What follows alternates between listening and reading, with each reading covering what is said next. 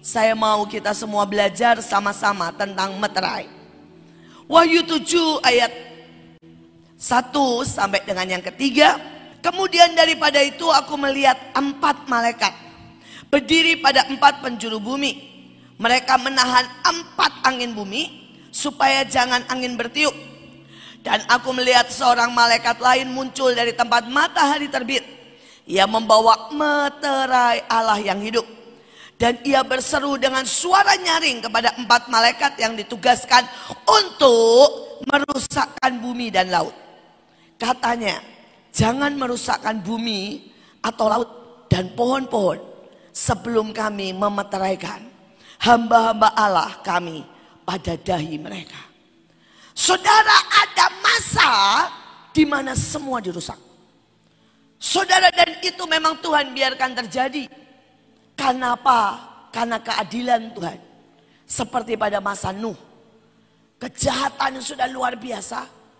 Kekotoran, kenajisan mengerikan. Maka Tuhan harus membiarkan sesuatu terjadi. Saudara, hari-hari ini sebenarnya sudah mulai terjadi. Sungai di seluruh dunia. Saudara sedang mengering Sampai di beberapa tempat itu danau loh saudara, kering dan merekah. Kalau saudara tahu keadaan yang sangat hari ini, itu ada hewan-hewan yang mati dan jumlahnya itu puluhan juta. Karena apa? Kekeringan. Saudara ada banyak sekali yang gagal panen. Karena itu semuanya akan meningkat. Tetapi mereka yang dimeteraikan dan semua barang, semua ladang, semua kepemilikan dari orang yang pegang meterai akan terluput. Saudara hari ini apakah saudara sungguh mengerti di depan seperti apa? Saudara dan ayatnya jelas berkata saudara. Ada seorang malaikat lain muncul dari tempat matahari terbit. Saudara itu dari timur, matahari terbit dari timur. Dan Indonesia itu negeri di timur. Tuhan mau berkata, nak, sebelum semua hancur. Dari timur, saudara dan saya akan dimeteraikan. Tapi apakah saudara ini mau? Sungguh-sungguh berdoa minta meterai dari Tuhan. Saudara kadang-kadang kita itu begini ya. Ah Tuhan, sudahlah kita terima online aja. Ah Tuhan, saya terima dengan iman. Kalau memang Tuhan suruh saudara di kota ini, fine. Tapi kalau tidak, coba hargai. Karena kalau Tuhan sampai spesial bilang, buat materai cinta. Saudara ini mahal. Susah payah kita untuk datang. Tidak bisa dibandingkan dengan apa yang akan terjadi. Kalau saudara tidak terima materai. Saya orang yang melihat saudara dengan mata saya. Perbedaan orang yang terima materai orang yang tidak terima materai. Saya berdoa hari-hari ini, saudara berdoa dan berkata Tuhan, meteraikan aku dan keluargaku. Supaya pada waktu semua dirusak, kami tidak terusakkan. Bahkan yang jahat, kegilaan, penyakit tidak bisa menempel kepada kami. Saudara kita lihat yang kedua. Efesus 1 ayat 13 dan 14. Di dalam dia kamu juga karena kamu telah mendengar firman kebenaran yaitu Injil keselamatanmu. Di dalam dia kamu juga ketika kamu percaya dimeteraikan dengan roh kudus. Yang dijanjikan itu. Dan roh kudus itu adalah jaminan Bagaimana kita sampai memperoleh seluruhnya. Yaitu penebusan yang menjadikan kita milik Allah untuk memuji kemuliaannya.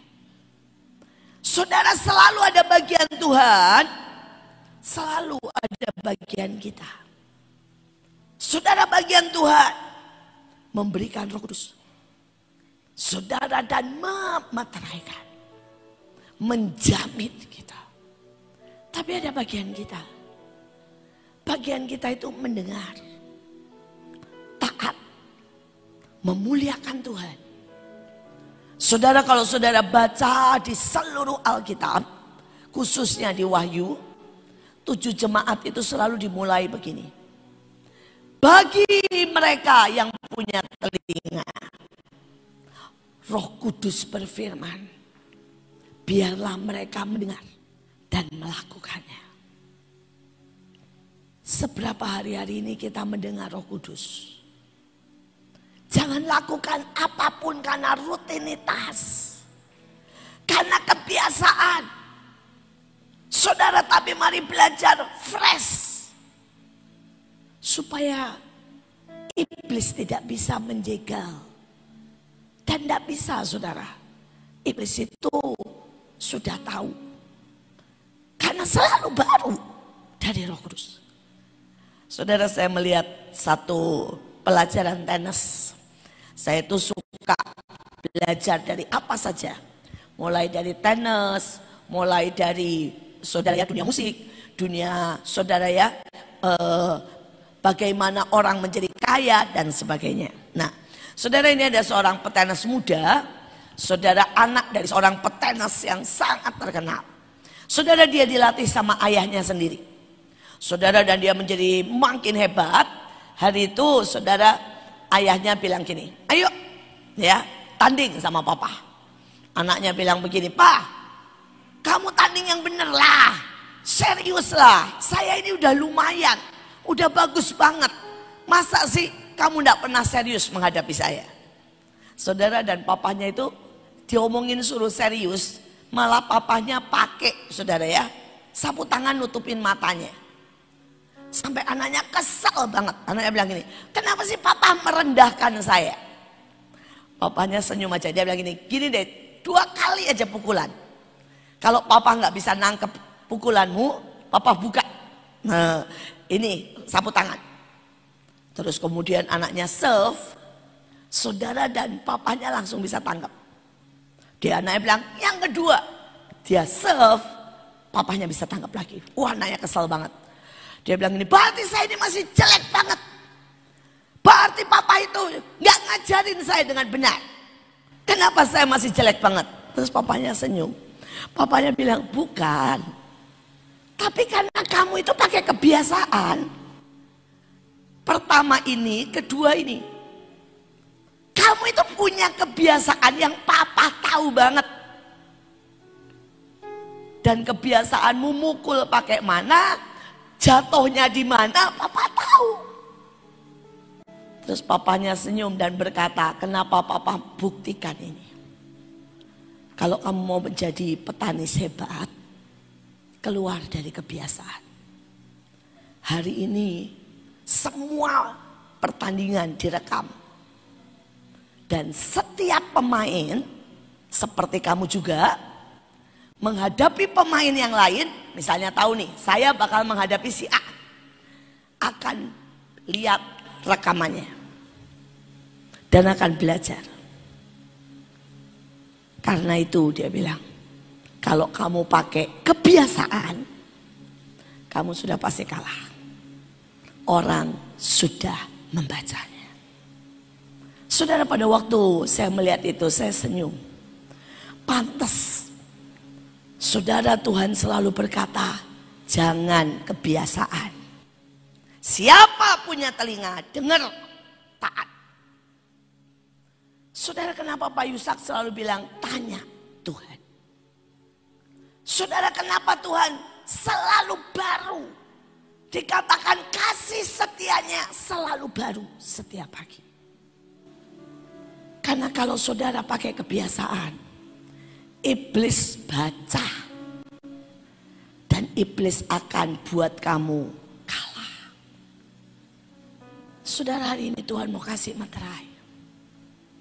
Dan materainya itu roh kudus. Mari hari-hari ini dan ke depan.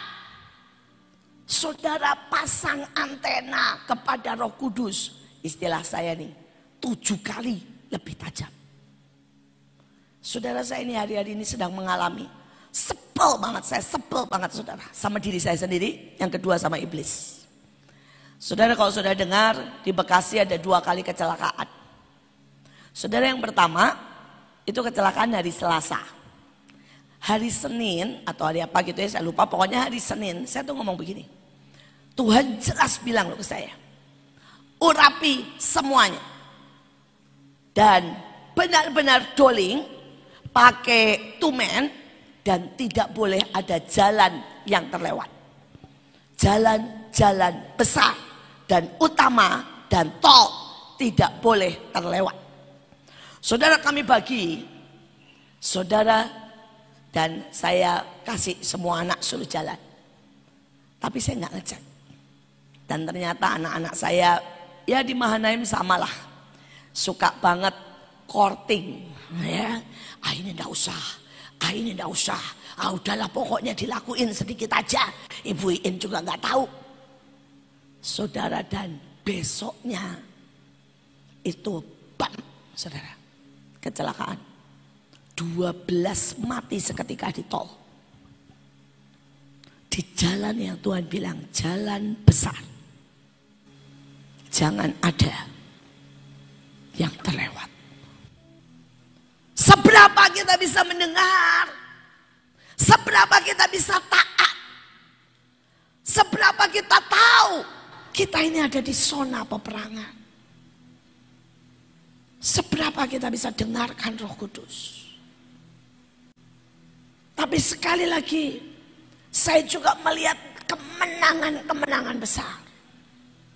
Kalau kita taat. Kalau kita taat. Saya berdoa hari-hari ini. Saudara benar-benar taat. Setiap kali kesempatan. Kalau kita itu bisa nangkap. Saudara akan bergerak dan terbang tinggi. Saudara hari-hari ini ada sesuatu yang bergema di hati saya. Saudara ada orang itu ngomong begini. Bu, ibu tahu enggak ciri-cirinya? Orang Kristen kalau sudah melemah dan tua saya bilang apa? Kalau masih muda, dia bilang bau minyak wangi. Kalau sudah tua, bau minyak angin. Kalau Kristen muda, ya, saudara dia selalu nyembah apa pun, wah semangat, soal bilang terima kasih, dipukul, terima kasih, difitnah, haleluya. Itu kayak minyak wangi bu sama Tuhan. Tapi kalau orang sudah tua kan gini, aduh pegel, aduh encak. Terus semua gosok minyak minyak angin. Kerjanya ngeluh kenapa ya berat, aduh kenapa ya susah semua. Dan kalau sudah mulai gini, aduh ada perintah apa lagi? Disuruh turun lagi ke jalan. Aduh kenapa sih? Hidup kok berat ikut Tuhan kok begini, doa mana ada dijawab. Saudara itu minyak angin. Isinya keluhan semua. Sampai Tuhan bilang gini, aduh nak, bau. Bau koyak. Saudara ini Kristen muda atau Kristen tua. Saudara bau harum minyak wangi atau bau minyak angin Sion bau apa ini? Sion harusnya bau mawar Sharon.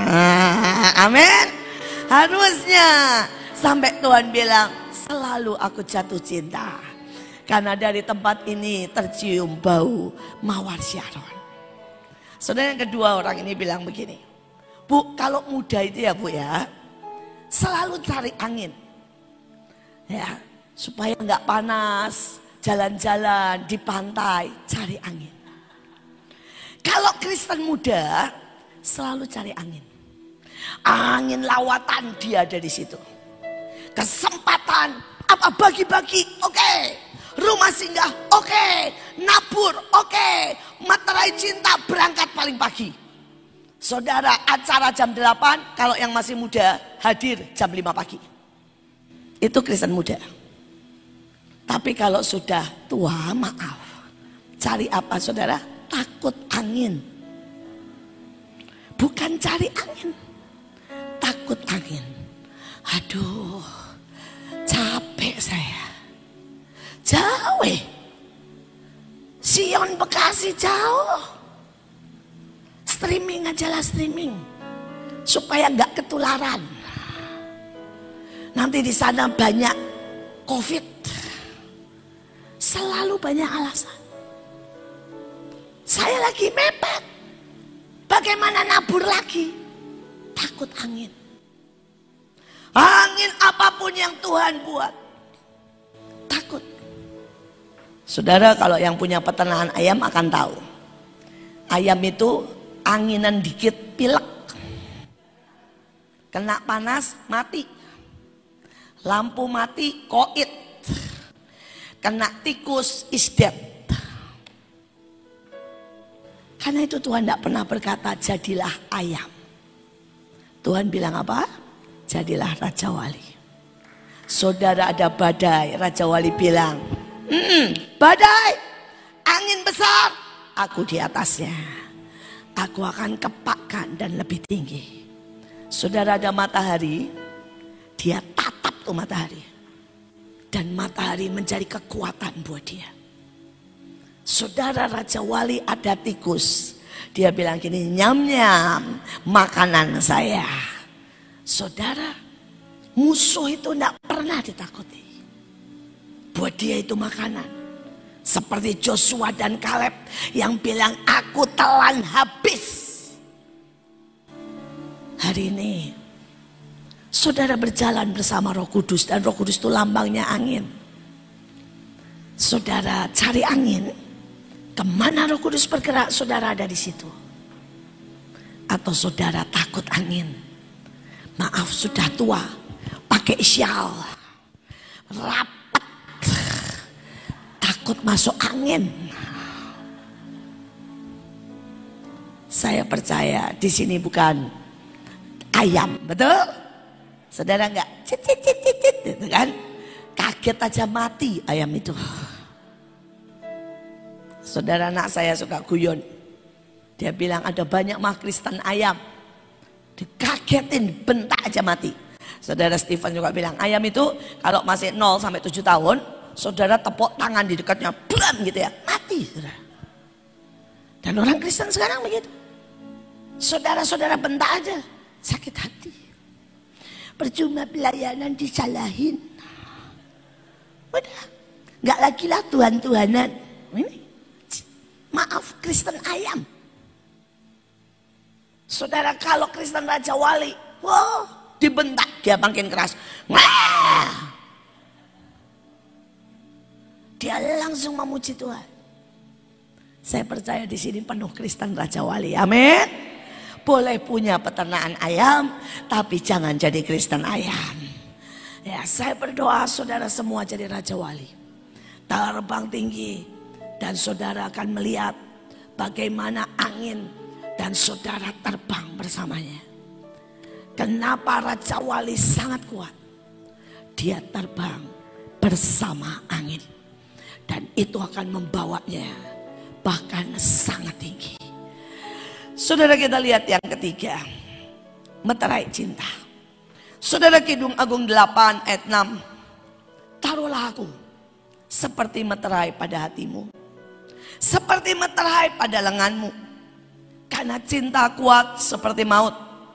Kegairahan gigih seperti dunia orang mati. Nyalanya adalah nyala api.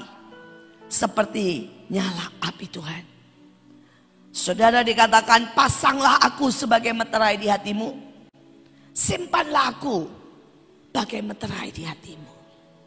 Saudara karena itu judulnya meterai cinta. Saudara materai cinta adalah diberikan.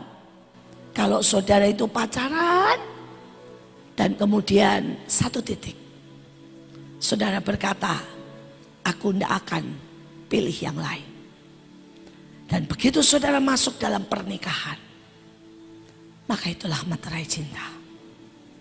Saudara materai cinta, sebenarnya pada waktu dua orang menyatu menjadi satu.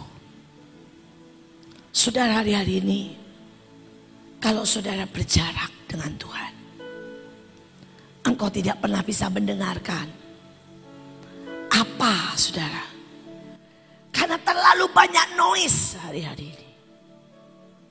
Terlalu banyak suara-suara yang lain. Tapi kalau saudara menyatu, ya, saudara akan sangat dekat dengan Tuhan. Saudara bayangkan hari itu muridnya terpisah sedikit dari Yesus.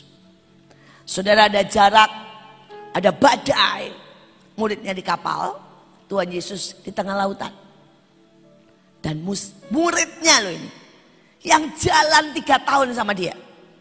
Pada waktu lihat Yesus jalan di atas lautan. Teriaknya apa saudara? Hantu. Teriaknya hantu. Bukan Tuhan. Karena Tuhan dan hantu gampang tinggal dibalik. Berapa banyak kita itu tidak mengenali Tuhan kita. Pada waktu dia saudara memukul kita marah dan kita berkata jahat. Padahal dia sedang mendidik kita. Pada waktu Tuhan bawa kita dalam masalah. Dan kita berkata ini pasti iblis ditangking. Padahal Tuhan mau buat keajaiban. Seperti lagu tadi banyak kemustahilan menjadi keajaiban. Bahkan pada waktu Tuhan harus menghancurkan engkau.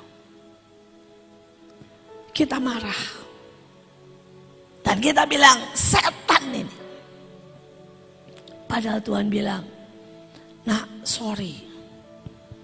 Aku harus hancurkan. Supaya dari hati yang hancur itu. Keluar cinta. Keluar kebenaran. Keluar kedewasaan keluar pengertian. Dan saudara begitu saudara menyatu. Saudara nempel. Saudara kenal. Saudara tidak akan lagi. Tuhan saudara sebut hantu. Atau hantu saudara sebut Tuhan. Dan itulah materai cinta. Dan begitu saudara menyatu jadi suami istri. Maka Tuhan itu bertanggung jawab buat hidupmu. Dia selesaikan. Saudara hari itu saya ulang tahun dan sebenarnya banyak sekali kebutuhan saudara. Saudara kami punya kebutuhan buat bayar makanan dan hari itu Tuhan suruh ke bangsa-bangsa. Wah pokoknya banyak lah saudara. Saudara listrik aja belum kebeli, belum kebayar Saudara dan saya itu pagi-pagi datang berdoa dan saya bilang gini, Tuhan ya, butuhnya banyak banget. Terus Tuhan itu senyum dan cuma berkata begini, kapan sih kamu itu berlaku sebagai istri? Saya langsung bilang, maksudnya bukankah suami itu bertanggung jawab untuk semua kebutuhan istrinya? Saudara saya bilang, iya Tuhan, lupa. Saya sering kali berlaku sebagai panglima, sekretaris. Lupa kalau engkau itu suamiku. Terus saya bilang, suamiku, proyek kita butuh banyak. Butuh lebih daripada satu M. Dan Tuhan bilang, oke, okay, Saudara itu dia lucu sekali. Tatapannya, gayanya itu lucu banget pokoknya. Saudara dan saya sudah selesai. Jam 9 pagi. Dia ngomong begini. Istriku, tiba-tiba dia begitu. Mungkin Tuhan sedang romantis. Coba, kenapa kamu nggak cek bang? Kan kamu tadi minta aku bereskan. Saudara saya cek. Itu di rekening saya. Masuk 500 juta. Di rekening Mahanaim. Masuk 600 juta. Hanya dua jam. Dan. Dan. Sampai saya bilang gini, aduh Tuhan cuma dua jam. Dan. Tuhan bilang ya kamu kira susah buat aku Enggak sih, aku tahu enggak susah. Cuma ekspektasiku ya mungkin butuh tiga hari gitu ya, dikit-dikit gitu ya. Orang ngasih, ini enggak, dua jam dan saya ini cuma mau bilang gini, dia ini Tuhan yang real, real. Dia itu bukan Tuhan zaman dulu cerita. Dia Tuhan yang pengen jalan bersama saudara every day. Dia Tuhan yang sangat-sangat mengasihi kita. Dan ini cerita bukan buat saya. Ini cerita bukan soal Mahanaim. Ini cerita undangan cinta. Apakah saudara itu mau mencintai Tuhan? Saudara, apakah saudara itu mau sungguh-sungguh ya, jalan sama Tuhan? Saudara ada seorang di Sulawesi Kendari. Saudara dia itu cuma ngomong begini, Tuhan pokoknya dia bilang. Apa yang dialami Bu Iin, saya harus alami. Saya pokoknya mau ngejar engkau dan ayo buat perjanjian dengan aku. Bahwa apa yang dialami Bu Iin, saya alami. Dan dia bilang, saya juga akan belajar melakukan apa yang dilakukan Bu Iin? Saudara saya nggak cerita. Hari itu saya bercerita saudara soal dapat mobil baru. Dan ibu ini mobilnya jelek banget saudara. Dan ibu ini miskin banget. Dan tiba-tiba dia bilang gini, Tuhan ganti mobil Bu Iin. Saya juga pasti diganti Tuhan. Karena saya cuma mau ngalami Tuhan. Engkau serial Ibu Iin. Sudah dan tiba-tiba Tuhan bilang gini, dia juga buat pesta anak. Kamu kapan buat pesta anak? Saudara dia langsung bilang, oh iya saya ikuti. Tidak punya apa-apa saudara. Tidak punya apa-apa pergi ke Indomaret, pergi ke Alfa dan ngomong begini. Saya mau buat pesta anak. Kasihan, sudah lama anak-anak tidak pesta. Tolong saya minta apa saja yang sudah mau ke daluarsa dan mau dibuang. Saudara singkat cerita dia dapat itu sampai berdus-dus. Segala macam. Saudara dan dia bawa dan dia pergi ke satu daerah yang paling kumuh aliran keras. Dia bilang saya mau buat pesta anak. Saudara dan hari itu terkumpul sampai 2000 anak. Dia yang khotbah, dia paklukin, dia bagi saudara, dia buat pesta anak tanpa keluar satu sen pun. Saudara dia buat pesta anak itu dari saudara makanan-makanan itu. Dari dos-dos itu ada satu kupon. Saudara karena sudah mau ke daluarsa, saudara itu banyak sekali dikasihnya tuh per dos. Dan ada beberapa dos yang ada kuponnya. Saudara masih dibilang undian, saudara dan dia lihat, oh hari itu hari terakhir untuk dikirim. Saudara jadi dia tulis, semua dia tulisin. Saudara dan dia kirim. Saudara dan seminggu kemudian keluarlah pengumuman. Saudara dia dapat mobil Honda Civic saudara. Kita punya Tuhan yang luar biasa. Tidak keluar satu sen pun. Saudara bahkan undiannya dapat dari kartu dos saudara yang sudah mau ke daluarsa. Dan hari itu hari terakhir untuk memasukkan. Saudara dan dia yang menang. Dia buat pesta anak di daerah paling keras. Dan 2000 anak dilayani, dilawat Tuhan dengan luar biasa. Satu ibu. Satu ibu seberapa kita berani mengalami Tuhan. Seberapa kita berani melangkah. Seberapa kita berkata Tuhan, ini cinta kita. Cinta kita berdua, perjalanan kita.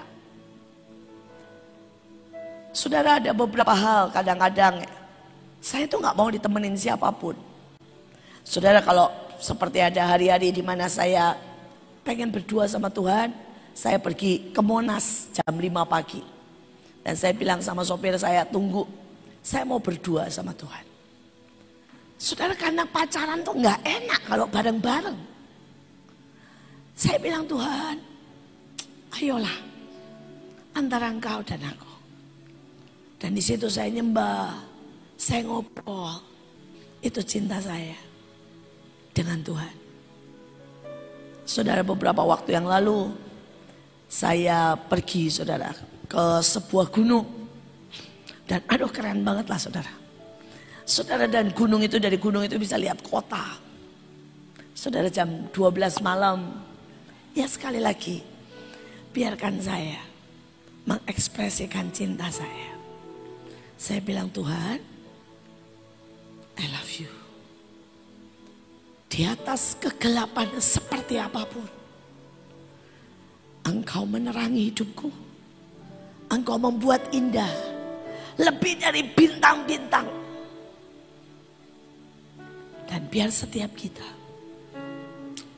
Hari-hari ini ada meterai cinta. Dalam hidup. Saudara dan biar setiap kita ada lagu-lagu. Setiap kita ada puisi. Setiap kita lakukan yang tidak biasa. Supaya saudara menerima meterai cinta. Dan tidak berjarak antara saudara dengan Tuhan. Saudara kemudian ada meterai yang melindungi. Nah. Wahyu 9 ayat 2 dan 4 Lalu dibukakannya pintu lubang jurang maut. Lalu naiklah dari lubang itu. Dan dikatakan sampai matahari dan angkasa menjadi gelap. Keluar belalang, kala jengking. Dan dibilang begini. Dan kepada mereka dipesankan.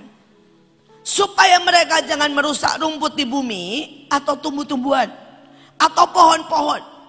Melainkan hanya manusia yang tidak memakai materai Allah di dahinya. Kalau tadi yang pertama itu cuma ngerusak bumi. Tapi ada gelombang dua pada waktu roh kematian itu naik. Bak. Saudara dan roh ini membuat matahari dan bintang dan itu bicara tentang anak-anak Tuhan dan orang pilihan. Gelap. Dan dikatakan merusak. Merusak manusia yang tidak pakai materai. Saudara kalau saudara ditanya bilangnya begini, papa mama tuh nanya terus punya roh kontrol. Tapi kalau tidak ditanya, aku sudah tidak dipeduliin, mati hidup tidak ada yang tahu. Saudara dikasih tugas, ngomong gini, dikit-dikit saya, dikit-dikit saya, diperbudak. Tapi nggak dikasih tugas, saya tidak dipercaya. Ini roh kesakitan. Dan ujungnya membawa orang apa? Bunuh diri juga. Berontak, marah memutuskan hubungan. Saudara hari-hari ini mereka itu mau semua lebih bagus dan zero kesalahan. Jadi karena itu musik buat gereja, buat penyembahan, semua ditata, playback supaya zero kesalahan. Karena apa? Gengsi. Tapi akibatnya itu plastik worship. Tidak ada yang dari hati. Saudara yang ketiga adalah roh durhaka. Roh yang memutuskan hubungan antara anak dengan Tuhan saudara antara orang tua, istri, suami. Sehingga perceraian, saudara gereja kosong. Perceraian banyak, gereja kosong. Hari ini, coba saudara waspadai dengan ini. Roh ini berkata sama saya, coba lihat mana anak-anak yang bisa mewarisi. Di mana anaknya Daud? Salomo ujungnya juga jatuh. Anaknya Daud bunuh membunuh. Di mana anaknya Joshua? Di mana anaknya Musa? Di mana anaknya Eli? Saudara dia bilang, aku potong semua destininya. Dan aku biarkan mereka marah, durhaka, sakit. Saudara bayangkan ya. Di Thailand, saudara 1400. Saudara bapaknya itu raja terkenal hebat keren banget. Anaknya cuma satu laki, yang lain perempuan. Dan karena anaknya satu laki, bapaknya itu pus, panah, naik kuda, nembak, belajar. Dan anaknya sakit. Dia merasa dikorbankan, dia merasa diperas, dia merasa tidak punya waktu buat bebas, dikontrol. Dan untuk mempermalukan bapaknya. Anaknya pakai baju cewek. Di depan umum. Setiap kali pesta kerajaan. Anaknya pakai baju cewek sengaja. Saudara dan bapaknya karena saking sayangnya. Hari itu raja ini berkata, oke okay, di kerajaan kita orang bebas pakai baju apa pun. Laki mau pakai perempuan, perempuan mau pakai baju laki, terserah. Boleh. Kita negara yang bebas.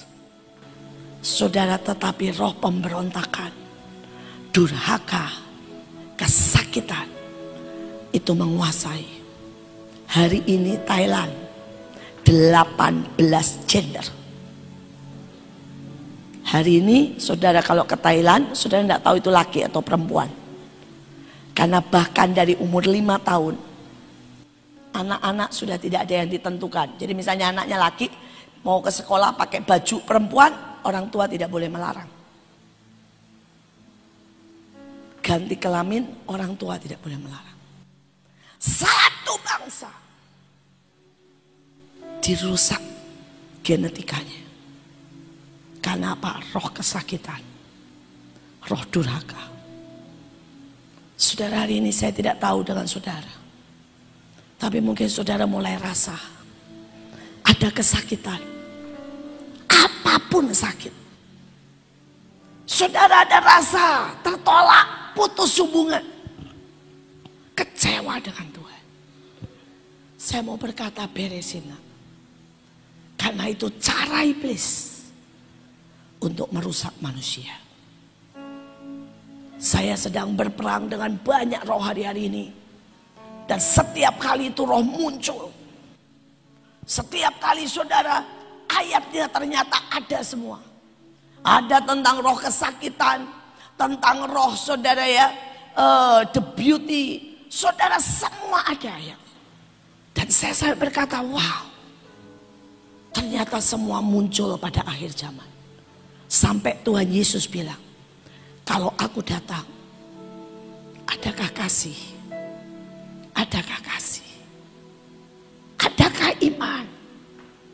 Tapi sekali lagi, mereka yang terima meterai, saudara walaupun kita tetap diserang, tapi seperti yang tadi saya bilang ada lapisan tebal yang sebenarnya membuat iblis tidak bisa mengenai kita. Kata meterai itu artinya juga membuka dan menutup. Tapi kata meterai itu artinya juga mengunci. Hari ini saya berharap saudara sungguh-sungguh menyiapkan diri untuk saudara terima meterai. Saudara nanti akan ada streaming jadi kalau saudara memang benar tidak bisa datang, tidak apa-apa, ada streaming. Saya berharap saudara menerima dengan iman. Dan dari pagi sungguh-sungguh doa. Bereskan. Berikan bagian saudara menyintai. Sampai saudara bisa terima materai cinta. Biar kita dimeteraikan di masa yang jahat ini. Supaya jangan dirusakkan. Jangan dirusakkan. Supaya jangan gila saudara. Saya ini ketemu orang-orang yang gila tanpa sebab. Karena suara-suara iblis. Saudara ada dua barusan juga bunuh diri di Indonesia. Dan kalau saudara tahu, yang satu itu bunuh diri di pasar. Cuma tulisannya begini, maaf, hutang saya kebanyakan, bunuh diri. Saudara ini roh di mana-mana, di mana-mana. Dan saya berdoa kita waspada. Jangan biarkan roh ini merusak kita. Iman kita, cinta kita.